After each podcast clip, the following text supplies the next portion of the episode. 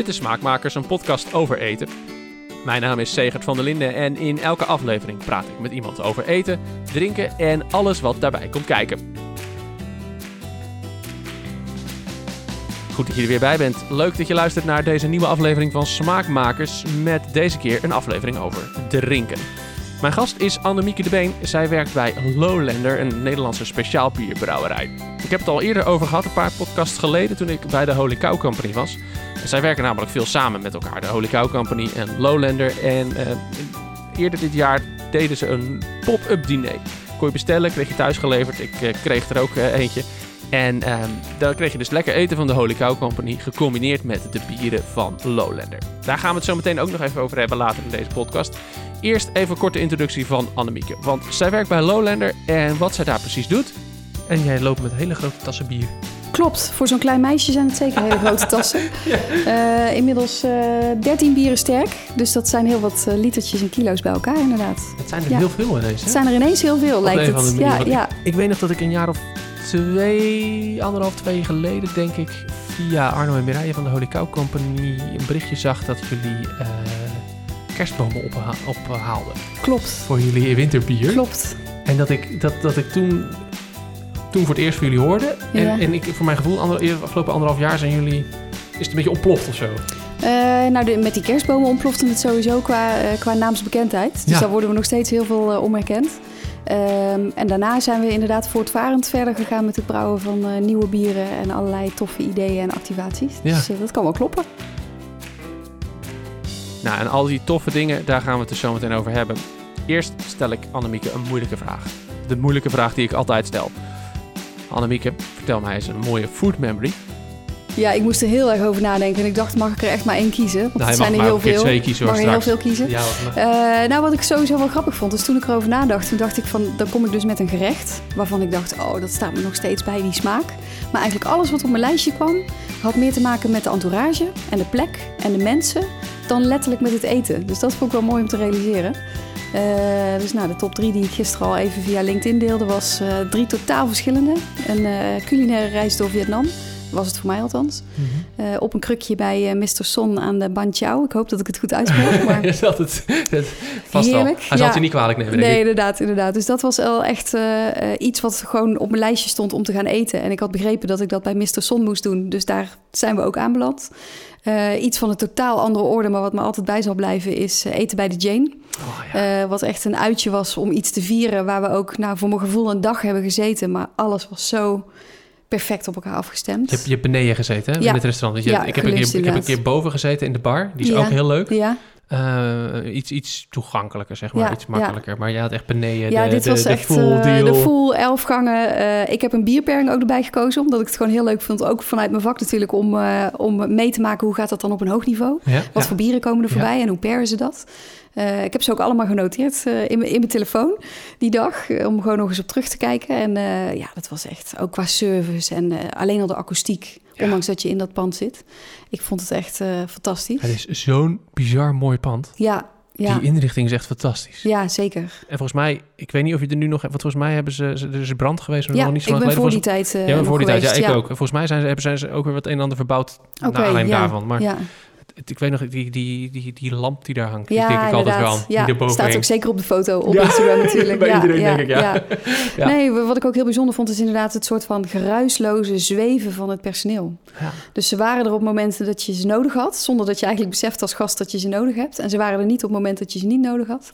Dus het was uh, ja, een hele mooie ervaring. Ja, en volgens mij ook niet zo, tenminste boven sowieso niet, maar volgens mij ook beneden ook niet zo stijf. Niet zo stijf. Nee, Maar zeker niet. Het cliché nee. dat je wel Nee. hebt van een sterrenrestaurant, Ja. uh, gesteven tafel in uh, knipscharende obers. Nee, dat helemaal zit er helemaal niet nee, in, hè? inderdaad. Nee, Nee. was heel fijn. Ja. Tof, ja.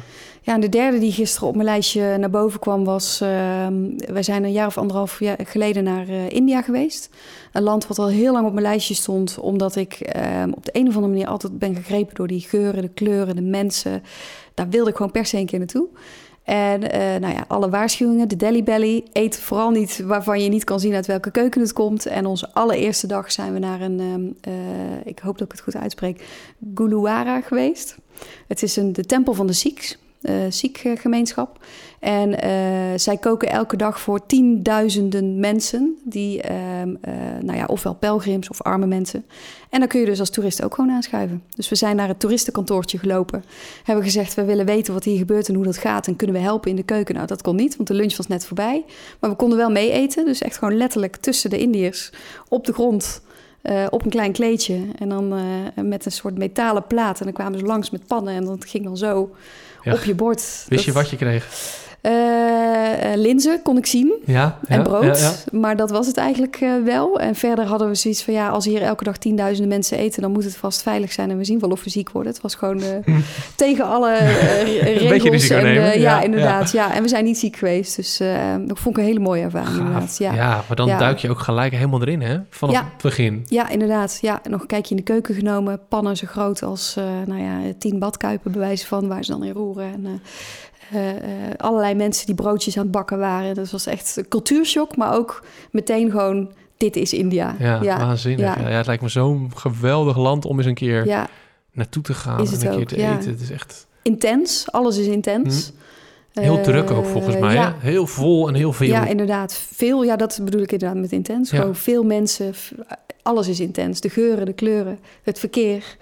Ja, is geen vakantie om tot rust te komen, tenminste. Uh, nee, we zijn geëindigd op een rustige plek. En dat was ook echt nodig. Maar je komt er niet tot rust. Nee, nee, je doet er heel veel indruk op, maar tot rust kom je in India En je eet fantastisch. Zeker, ja, ja. Lowlander is dus een speciaal bierbrouwerij. Maar ze doen het allemaal net even anders dan de rest. Ze brouwen namelijk met botanicals. En wat dat is, dat legt Annemieke je uit.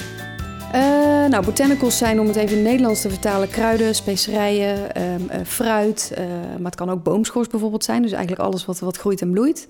Ehm, het proces verschilt heel erg per botanical. je kunt je voorstellen dat iets wat heel delicaat is, zoals thee of, of verse blaadjes, dat je dat niet heel lang moet meekoken in een brouwketel, want dan wordt het vaak bitter, verliest het zijn smaak. Dus afhankelijk van de botanical in het bier gaat dat of al heel vroeg in het brouwproces in de ketel, of echt pas op het eind om nog op lage temperatuur mee uh, te trekken. Uh, en een ander proces zou kunnen zijn, zoals met de kerstbomen die we net al even noemden, uh, dat we de botanical op um, neutrale graanalcohol zetten. En dan trekt de smaak uit de botanical in de alcohol. En dat wordt dan in de ketel verwerkt. Dus dan heb je een heel sterk smaakextract. natuurlijk smaakextract, wat je eigenlijk in de brouwketel verwerkt. En, en, en ik, ik heb wel wat geleerd dat, dat bier, uh, dat mag uit, uh, dat is, uh, hoe zeg je dat, hop, mout, water. Gist. Gist, ja. dankjewel. Ik kan zeggen, ik vergeet er eentje. aflevering twee of drie van Smaakmakers. Ja. Volgens mij zit het hele brouwproces uitgelegd. Als je precies wil weten, moet je die even checken. Dat is met de brouwerij Het Ei ben ik toen geweest. Um, maar dat, dat, dat, dat is bier. En als je, maar jullie voegen dus ook nog weer dingen aan toe. In hoeverre is dat dan nog bier? Is het... Ja, we zijn, uh, we zijn gelukkig in Nederland. Want in Duitsland heb je inderdaad het reinheidsgebod. Ja. En inmiddels is daar suiker als vijfde ingrediënt aan toegevoegd. Dus wij zouden niet in Duitsland dit mogen brouwen. We mogen het wel importeren. Uh, het grappige is dat uh, we heten niet voor niks Lowlander. Omdat de Lowlanders, de Nederlanders, eigenlijk vroeger bier op die manier brouwden. Uh, dus dan hebben we het echt over 300, 400 jaar voordat hop als ingrediënt werd ontdekt. Uh, hop geeft natuurlijk smaak en bitterheid, maar is ook een, een conserveringsmiddel. Uh, maar 300, 400 jaar daarvoor brouwden de Nederlanders dus al bieren met bloemen, kruiden, specerijen. Oh. gruit heette dat toen, gruitbier. Mm -hmm. En daar zaten ook kruiden in die we nu niet eens meer kennen. Gagel is er bijvoorbeeld een. Um, dus alleen, is... hier in Utrecht heb je de Gageldijk, Fort de Gagel. Nou, dat maar dat zal daar vast vandaan komen dan. Daar vandaan, ja, dat ja, ja, ja, ja. En uh, ja, zoals met heel veel dingen, op, moment, op een gegeven moment komt natuurlijk uh, de massa-industrie... En, en zorgen de grote brouwers van de wereld voor een bepaalde smaak die mensen leren kennen.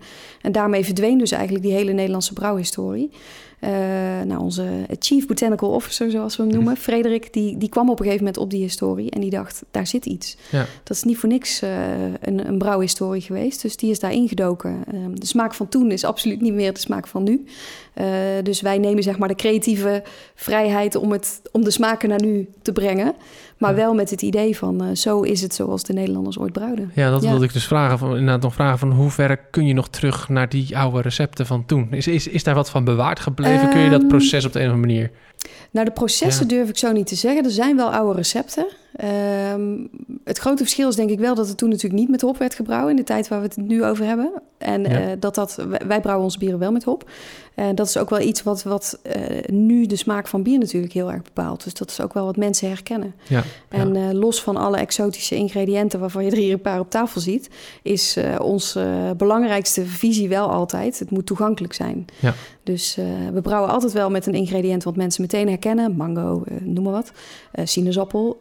Eh, maar er zit ook altijd wel een ingrediënt in waarvan mensen denken: wat is dat? Hoe groeit dat? En Ja. hoe smaakt dat? Ja, bekendste voorbeeld, ja, belang, mooiste voorbeeld natuurlijk, ja, hij staat hier voor ons neus, de Winter IPA natuurlijk. Ja, we noemden hem net al met, eh eh, hoe heet het, de, de kerstbomen, de, de dennennaalden erin Ja, natuurlijk, ja. Klopt. Het grappige is dat ik dan niet, ik vind voor jullie IPA ook erg goed, jullie, jullie gewone IPA, Ja, niet de winterversie. Het is niet zo dat ik ineens denk van, goh, wat is dit voor geks of zo, wat, wat, is- ik, ik proef gewoon een goede IPA. ja. Het is Nou, niet dat is dat, je direct, dat je direct denkt van, nou, wat raar, of wat is dit een bijzonder... eh, er zit een gekke smaak aan of zo.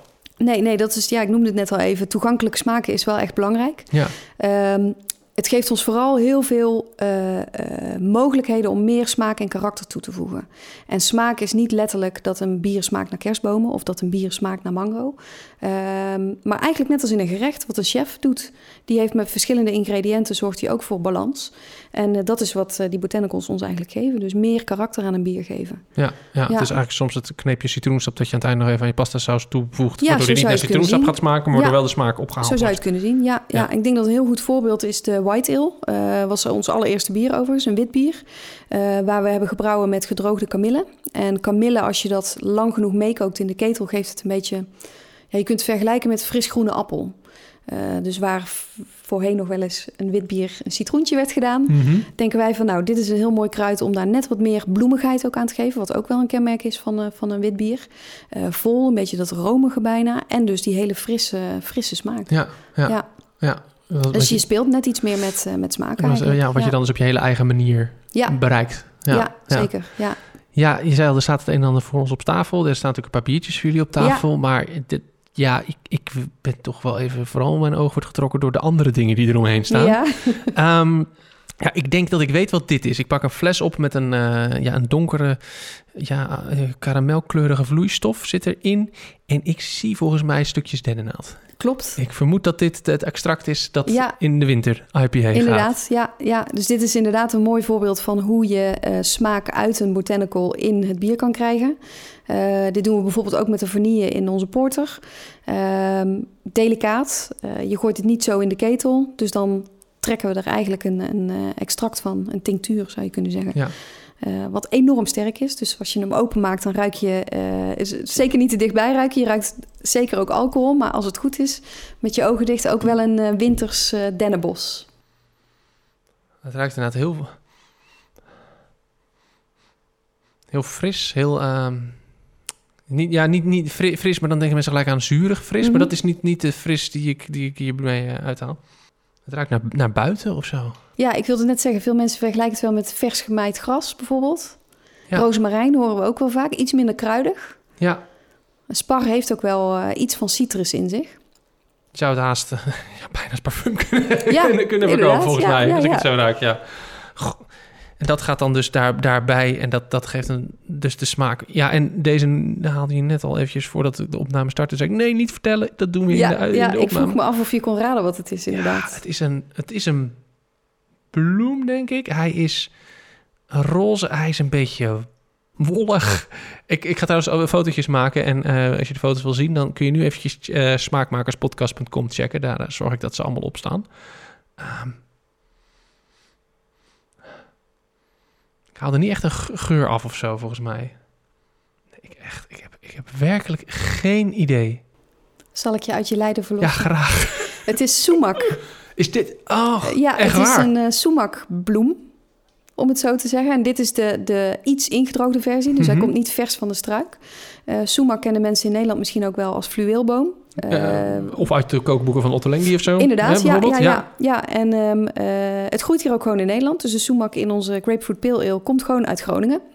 Sommige mensen zeggen wel van, oh, dat staat bij mijn oma in de achtertuin. Dus wellicht als je de foto ziet, eh, dat je het herkent. En de sumac die we kennen uit de keuken van, eh van Otto Lengi... is eigenlijk het rozige bolletje wat je ziet, Mhm. eh, gedroogd en dan vermalen tot poeder. Dus er zit nu vrij weinig geur en smaak aan. Maar op het moment dat het helemaal indroogt, krijgt het echt die hele frisse citrus. Ja, het is eigenlijk niet te vergelijken met, met een citrusvrucht, maar dat hele frisse wat je kent van Otto Lengi Ja, ja, ja, want je weet, ja, als je Sumac wel eens gebruikt hebt, ken je dat inderdaad daarvan. Ja. Goh, wat grappig. En welk, in welk bier zit dit? Dit zit in de Grapefruit Pale Ale. Eh, een bier wat we eh, volledig op citrus wilden focussen. En toen kwamen we al vrij snel bij bloedsinaasappel en grapefruit. Eh bloedsinaasappel heeft een beetje dat tropische en grapefruit natuurlijk het, het, het bittere. Bittere, ja. En daar misten we dus een beetje een zuurtje. Een van de bieren waar we het langst over geëxperimenteerd hebben trouwens, een jaar of drie geleden. Heel veel geprobeerd. Ehm, eh, wat hebben we allemaal geprobeerd? Citroen, limoengras, eh, limoenblad, van alles en nog wat. En toen kwamen we op een gegeven moment inderdaad op Sumac, is ook zuur. Eh, ik weet ook nog eens een leuk weetje. De eerste brouwsel wat uit de ketel kwam, had het te lang erin gezeten. En toen smaakte het naar After Eight. Die chocolaatjes met mint. Dus het was heel erg... Ja, het is, het is een enorm sterk product eigenlijk. Dus, en uiteindelijk geeft die sumac dus aan het bier... naast het tropische en het bittere... geeft het het, het eh, zuurtje. Kun, je, kun je zeggen dat jullie meer experimenteren dan andere eh speciaal bierbrouwers? Ehm, ja, misschien wel. Ja, als je alleen al kijkt naar de kerstbomen... dat is natuurlijk behoorlijk eh, experimenteel. Daar moesten we bij de brouwer ook wel even, even, even over praten, zeg maar. Ja. Dus ja, ik denk wel dat. ehm, eh, het grappige is wel dat het altijd ontstaat vanuit smaak. Dus we hebben niet als doelstelling. laten we eens even lekker gaan experimenteren. We denken heel erg vanuit smaak. En wa- waar, waar komt dat dan vandaan uit de natuur? Ja. En eh, zo kom je eigenlijk op eh, al die mooie dingen die de natuur te bieden heeft. Ja. ja, ja. Ja, want het is, het is, het is iets minder straightforward dan wanneer je zegt... ik ben speciaal bierbrouwerij, ik heb een IPA... en nu wil ik een porter brouwen bijvoorbeeld. En, hè, dan- weet je bepaalde stappen die je kunt, kunt, Ja. kunt doen... en je kunt experimenteren met hopvarianten en zo... maar dat is redelijk straightforward. In jullie geval heb je die hele wereld van botanicals Ja. erbij. Ja, Die ja kunt- er ligt ook nog zo'n grote wereld voor ons open. Ja. Dus we hebben nog zoveel ideeën, inderdaad. Ja, Ja. inderdaad. Ja. Ja. Gaan we even deze bijzondere fles erbij pakken. Even spieken wat erin Wat erin zit ook alweer? Wat is dit ook Ze alweer? zijn enorm verkleurd al inmiddels. Dus ik weet niet of je het nog kan herkennen. Nee, het, zijn, eh, het is, het is een, een fles met een... eh, is dit, is dit een, een ontluchtings... eh, iets wat erop zit? Ja, je kunt, je kunt erin knijpen. Het is een, Oh. een vaporizer. Ik Ja, het is een ze beetje- een parfumfles. Zoals zeg vroeger een parfum, weet je wel? Is een ja. parfum, parfummetje mevrouw, weet je, was er nog iets in filmpjes. En er Ja. zit een, een gelige vloeistof in. En inderdaad, blaadjes, ja, ze zijn wit naar bijna transparant, al bijna toe. Ja, het is wel... Als ik dus hierin knijp, dan... eh, Dan komt er eh, een eh, luchtje uit, inderdaad. Ook dit is weer op neutrale graanalcohol. Dus je zult ongetwijfeld ook de alcohol ja, je, proeft- ruiken. je ruikt de alcohol zeker. Ja. Ja. Ja, Het is... ehm, Weet je dat ik het altijd heel spannend vind? Want ik ben altijd zo bang dat ik dan door de mand zak voor dit soort dingen. Dat, dan, dat ik dan niet zeg dat jij denkt, nou, hoe kom je daar nou bij? Wat onzin. Nou, de, de, het zicht hoe het eruit ziet helpt niet echt mee. Want ze zijn dus al... eh, ze hebben eigenlijk hun originele kleur al verloren. Waren ze, ooit, waren ze ooit groen? Ze waren ooit groen. Ja, het lijken blaadjes van... Oh, bomen ben ik ook zo slecht in. Eh, is, is het... Nee, ja, is het... Ik, ik dacht ineens aan laurier, maar... Nee, Nee, nee. nee help me maar hoor. Het is limoenblad. Wat veel mensen kennen uit eh Thaise curry. Ah, ja. Dat typische, bijna parfumachtige. Ook lastig te omschrijven weer als je Ja. het niet ruikt of proeft. Maar heel veel mensen herkennen het van, ehm van eh Thaise curry. Het is inderdaad... Dat beetje zoetig, zoetig frisse, dat, dat, dat komt erdoor op Ja. die manier. Ja. En deze zit dan in... De ginger en lime leaf. Oh ja. Ja. Ja, en zijn dat paddenstoelen? Nee, oh nee, nee, wacht even. Nee, nou zie ik het. Ik zeg paddenstoelen. Op het moment dat ik het zeg, denk ik nee, dit is uh, citrusschil. Uh, ik gok. Ik doe basis, puur basis van, van oog. Limoen. Je kunt het beste eigenlijk eentje pakken en even breken. Dan zie je bijna het sap er nog uit springen en dan ruiken. Dat is, citro is citroen, citroen of mandarijn. Het is sinaasappel. Sinaasappel, is, sorry, uh, sinaasappel. Ja, ik zeg ja. citroen en ik bedoel dus, ik bedoel echt sinaasappel. Zie je wel, daarom ben ik er zo bang altijd hiervoor. Ja, maar dit is ook een lastige. Want eh, ik snap op zich dat je zei limoen, omdat het er Die eh, verkleuring, gedroogd... eh, ja, inderdaad. Het is een uh, Curaçao sinaasappel. Uh, wat eigenlijk niks anders is dan een Valencia sinaasappel... die ooit op Curaçao in de grond werd gestopt.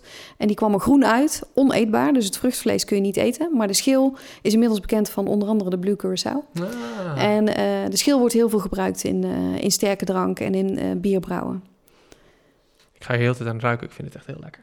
Heel lekker zoet. Heel, heel, ja, echt ik had heel eigenlijk een hele apothekerskast mee nemen, maar helaas, nee. helaas.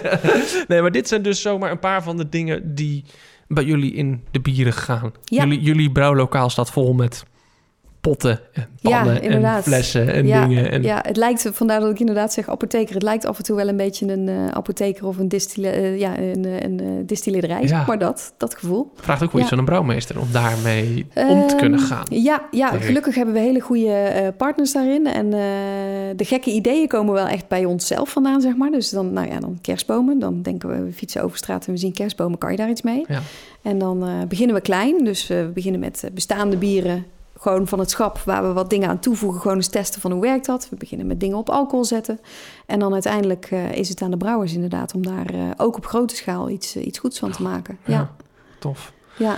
Ja, en dan komt eten, is natuurlijk ook al een paar keer voorbij gekomen. Ja. Jullie zijn heel erg bezig met, die, met beer pairings. ja Hè? Dus het combineren van bier met eten. Ja. Waarom doen jullie dat zo? Waarom zetten jullie daar zo op in? Het is denk ik een combinatie. We zijn, eh, ik noemde het net al even, we zijn enorm geïnspireerd door de breedte van wat je allemaal kan met de natuur. Wat chefs heel goed laten zien. Dus ik denk dat dat eh, een belangrijke is. Ehm, persoonlijk geloof ik heel erg dat je met bier veel meer kan op smaak dan met wijn. Wijn heeft toch een bepaalde hoek, zeg maar, qua smaak. En bier, daar zit zoveel gradaties in, zoveel verschillende soorten. Eh, dus dat is er één. En we zien het ook eigenlijk in de groei van Lowlander in de afgelopen eh, vier jaar... dat we ehm, ook best wel populair zijn bij chefs. En in restaurants en hotels. Eh, dus het is een graag gezien bier eh, op tafel. En die drie dingen bij elkaar... ehm, ja, is eigenlijk een soort natuurlijk gevolg... dat we dus inderdaad zijn begonnen met pop-up diners... eh, om mensen meer te laten ervaren wat je allemaal kan met bier. En eh, als tweede belangrijke reden denk ik ook om de bieren terug te brengen naar de natuur. Dus die pop-up diners doen we ook eigenlijk altijd in de natuur, in Ja. het groen. Ja. Op een plek die weer gelinkt is aan, eh, aan botanicals en Ja. groen. Als je dan hebt over, over, eh, over, over het, het, het beer pairings. eh, als je het hebt met wijn en eten, dan zeg je, er zijn een paar van dat soort basisregels. Eh, Ja. als je vis hebt, dan schenk je witte wijn. Als je eh, rode wijn doe je bij je, bij je vlees. En bij je, bij je kaas eh, neem je een potje. Mhm. Dat is een beetje die, die dingen die kent iedereen. Kun je dat soort stickertjes ook op bier plakken? Er is zeker wel een, eh, een, eh, een, eh, bepaalde weg die je kan volgen... die wij als Lowlander ook helemaal niet willen veranderen. We proberen er onze eigen draai aan te geven. Maar waar je bij bier eigenlijk begint met naar te kijken is intensiteit. En intensiteit zit hem in smaak. Dus is het een hele sterke smaak, zoals bijvoorbeeld een porter, echt een donker bier. Maar zit hem ook in alcohol en zit hem in koolzuur. En ik denk dat koolzuur is een van de belangrijkste andere dingen dan bij wijn. Omdat koolzuur natuurlijk best wel bepaalt hoe, eh, hoe je iets proeft en hoe iets wordt weggespoeld als het ware. Dus dat is eigenlijk stap 1. Is het een, een, een licht bier of een zwaar bier? Eh, nou, de tweede stap is denk ik hetzelfde als bij wijn. Ehm, kijk je naar de overheersende smaak, dus de, de meest voorkomende smaak. Is dat een, ehm, ik heb hier voor me staan de 0.0 wit gebrouwen met citrusschillen. Dus die heeft heel erg dat zuur. Eh, nou, kijk je naar de Winter IPA, die zit weer iets meer op het bittere. Eh, zo kun je natuurlijk ook verschillende smaakhoeken hebben. En dan, eh, wat je heel veel ziet daarna in bier als derde stap, is het zogenaamde ABC. Wat wellicht in wijn ook wel zit. Eh, en daar ga je kijken naar, oké, pa- pak je zeg maar, accentueer je de hoofdsmaak uit het bier ook in je gerecht. Dus een wit bier met citrus naast een citrussalade. De A van accentueren. Ja. De B van maak je een brug. Dus kies je een gerecht wat in het verlengde ligt. eh, waardoor je eigenlijk beide versterkt. En het allermoeilijkste om te doen, denk ik, en dat is ook echt wel eh, eh, ja, voor de chefs van de wereld, is de C en dat is contrast. Ja. Dat is eigenlijk wat ik bij ehm, de Jane, denk ik, heb ervaren. ja. Waar ook lastig je vinger op te leggen is, maar gewoon dat het eigenlijk eh 1 plus 1 is 3. 1 Ja. plus 1 is misschien wel 5 Ja. bij een C. Ja, Ja, dus dat is, zijn een beetje de stappen die, ehm, die je volgt eigenlijk. Ja, ja, bij de eerste stap, die snap ik. Die tweede snap, stap ook. En die derde, die, die ja, dat is hogere, Ja, dat eh, is gevoel, denk ik ook. pairingskunde. Ja, gevoel ook misschien ook wel, ja. ja. Ja. Ja, dus wat, eh, wat wij, eh, wat je denk ik ook wel hebt ervaren in het diner, daar kreeg je natuurlijk die mooie placement bij met Ja. dat kompas. Ja, ja, Eh, het is ook wel leuk, dit hebben we samen eigenlijk met de Holy Cow ontwikkeld. Dus we zijn met z'n drieën heel erg in Lowlander bieren, in smaak, in hoe per je nou bieren met eten eh, gedoken. Eh, maar dan vooral, wat maakt het dan bij ons zo anders? Eh, omdat we toch heel graag dat eigen smaakwiel wilden ontwikkelen. ja, ja. En op een gegeven moment kwamen we ehm, eh, op de windrichtingen. Dus net zoals dat de verhalen en de bieren en de botanicals uit alle windstreken komen, brengt dat bepaalde smaken met zich mee. Dus iedereen kan zich wel voorstellen, denk ik, bij Scandinavië licht, fris, zilt, kruiden. Eh, nou, in India denk je al snel aan eh, Warm, in your face, smaken, inderdaad. ja. Ja. warm. En zo heb je eigenlijk in alle Ja. hoeken van de wereld zitten wel bepaalde smaken. En die, die pasten ook precies bij de verhalen van de bieren. Dus vandaar dat ons kompas inderdaad gebaseerd is op de windrichtingen. Ja. Ah, En ja. ehm, eh, de bieren dus ook eigenlijk de, de, een reis om de wereld. Het is echt een culinaire reis om de wereld. ja. Ah. Dus we hebben het ABC ehm, om het makkelijk te maken voor mensen eh, een beetje losgelaten. En eh, dat randje van die ABC zoeken we juist wel op in samenwerking met chefs eh, als we pop-up diners doen. Ja, ja, ja dus want dat dit, laten we echt aan de experts. dit inderdaad. wiel daar waar je het nu over hebt, die- die kreeg je als je het net kreeg met je placement. Hij staat ook op de website. Daar staat, ook op ook wat meer website, ja. bij uitleg bij. Inderdaad, ook wat jij nu een beetje vertelt. Inderdaad, staat er dan bij. En dan, dat maakt het wel haalbaar voor thuis ook. Dat is ook Ja, wel leuk, dat hopen ik. we. Ja, Ja. inderdaad. Jullie, eh, vertel, je, je vertelde net al dat jullie veel ook in de horeca, dat chefs jullie het leuk vinden. Vinden die dit ook interessant? Zijn die hier ook mee bezig? Krijg je daar ook feedback op, op dit soort dingen? Ja, we zien wel steeds meer eh, chefs die ehm, ook durven om meerdere bieren op de kaart te zetten. En dat ook te adviseren. Dus dat, ehm, nou ja, het feit dat de Jane is natuurlijk wel eh, het ene, ene uiterste van het spectrum. Ja. Maar het feit dat ook dat soort restaurants zien dat, dat die behoefte er is en dat die kans er is. Dat zien we wel steeds vaker. Ja, Maar ik denk dat het een beetje een wisselwerking is tussen. Ehm, eh, als wij het zeg maar eh, aangeven en ze gaan proeven, dan ontstaan, dan gaan die radertjes bij chefs aan en dan, dan begint het. Maar Ja. het is natuurlijk niet per se iets wat al heel erg op de kaart staat in Nederland. maar, maar het blijft gewoon, als je een goed, een goed diner hebt, dan drink je daar wijn bij. Ja, misschien wel. Wat Dat wij ontzettend het- jammer vinden. Ja, want wat er is zoveel is. meer te ontdekken Ja, inderdaad. ja, Ja. En meteen ook wat minder alcohol per glas. Dus ook- dat is ook fijn. Is ook niet, ook niet een onbelangrijk voordeel. Hoe zie je dit ontwikkelen? Bier en food, eh, bedoel je? Eh, nou, als het aan ons ligt, dan, ehm, dan gaat het niet meer van de kaart. Ehm, ik denk dat, het, dat er echt wel toekomst in zit. Ja. Ik weet het eigenlijk wel zeker. Ja, Ja. ja. Mensen zijn nieuwsgierig. eh, de bierwereld staat niet stil. Er gebeurt ontzettend veel. Ehm, ik denk dat je wel al los even van eten... steeds meer mensen niet aan een tafeltje in een restaurant gaan zitten... of op een terras en zeggen, doe mij een biertje. Maar de bierkaart vragen. Dus als je dat, zeg maar, die ontwikkeling doortrekt dan geloof ik er heilig in dat er eh, heel veel kansen zijn voor eh, meer smaken, meer ontdekken. Ja. ja. Ja. Toevallig zat ik gisteravond met, eh, met, met een paar vrienden op het terras. En waar we vijf jaar geleden allemaal pils voor onze neus hadden gestaan, bestelden we nu één voor één speciaal bier. Ja, ja nou dat, Dat is, ja. dat, je, ja. Ja. het zaten allemaal aan, aan een speciaal bier. Dus hadden helaas geen Lowlander op de kaart, moet ik je bekennen. Dus Nou, daar moeten we even heen dan. die moet je nog redden, ja. Tof.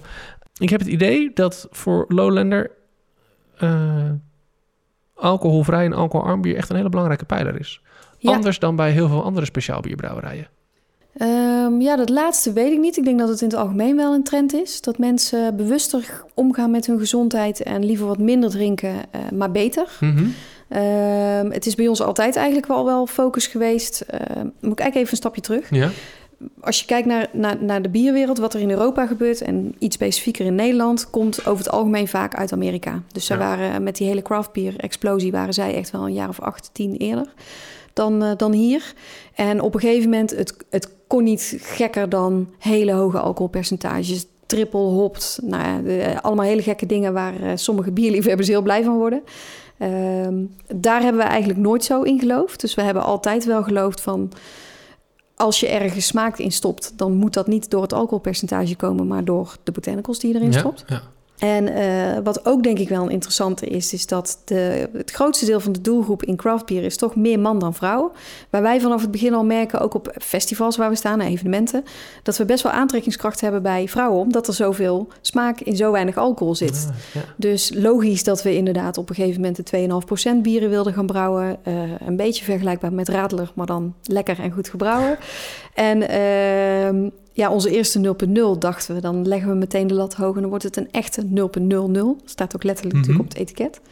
En dat is, eh, hoe gek het ook mag klinken, vorig jaar een van onze best verkochte Ja? bieren geweest. Ja, Dus vandaar nu de uitbreiding met twee 0.3 eh, ja, procent ik snap, bieren. ik snap ja. het wel. Dat, dat, ik snap het ergens wel dat je best verkocht is. Want ja, er is in, in de 0.0 en ja, 0.3 en zo... Er is, er is ook gewoon nog heel veel bier dat het gewoon net niet is.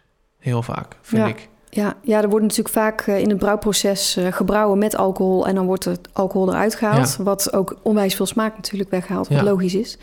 Eh, dus daar hebben we gelukkig goede brouwers voor die heel veel snappen van gisten en, en processen.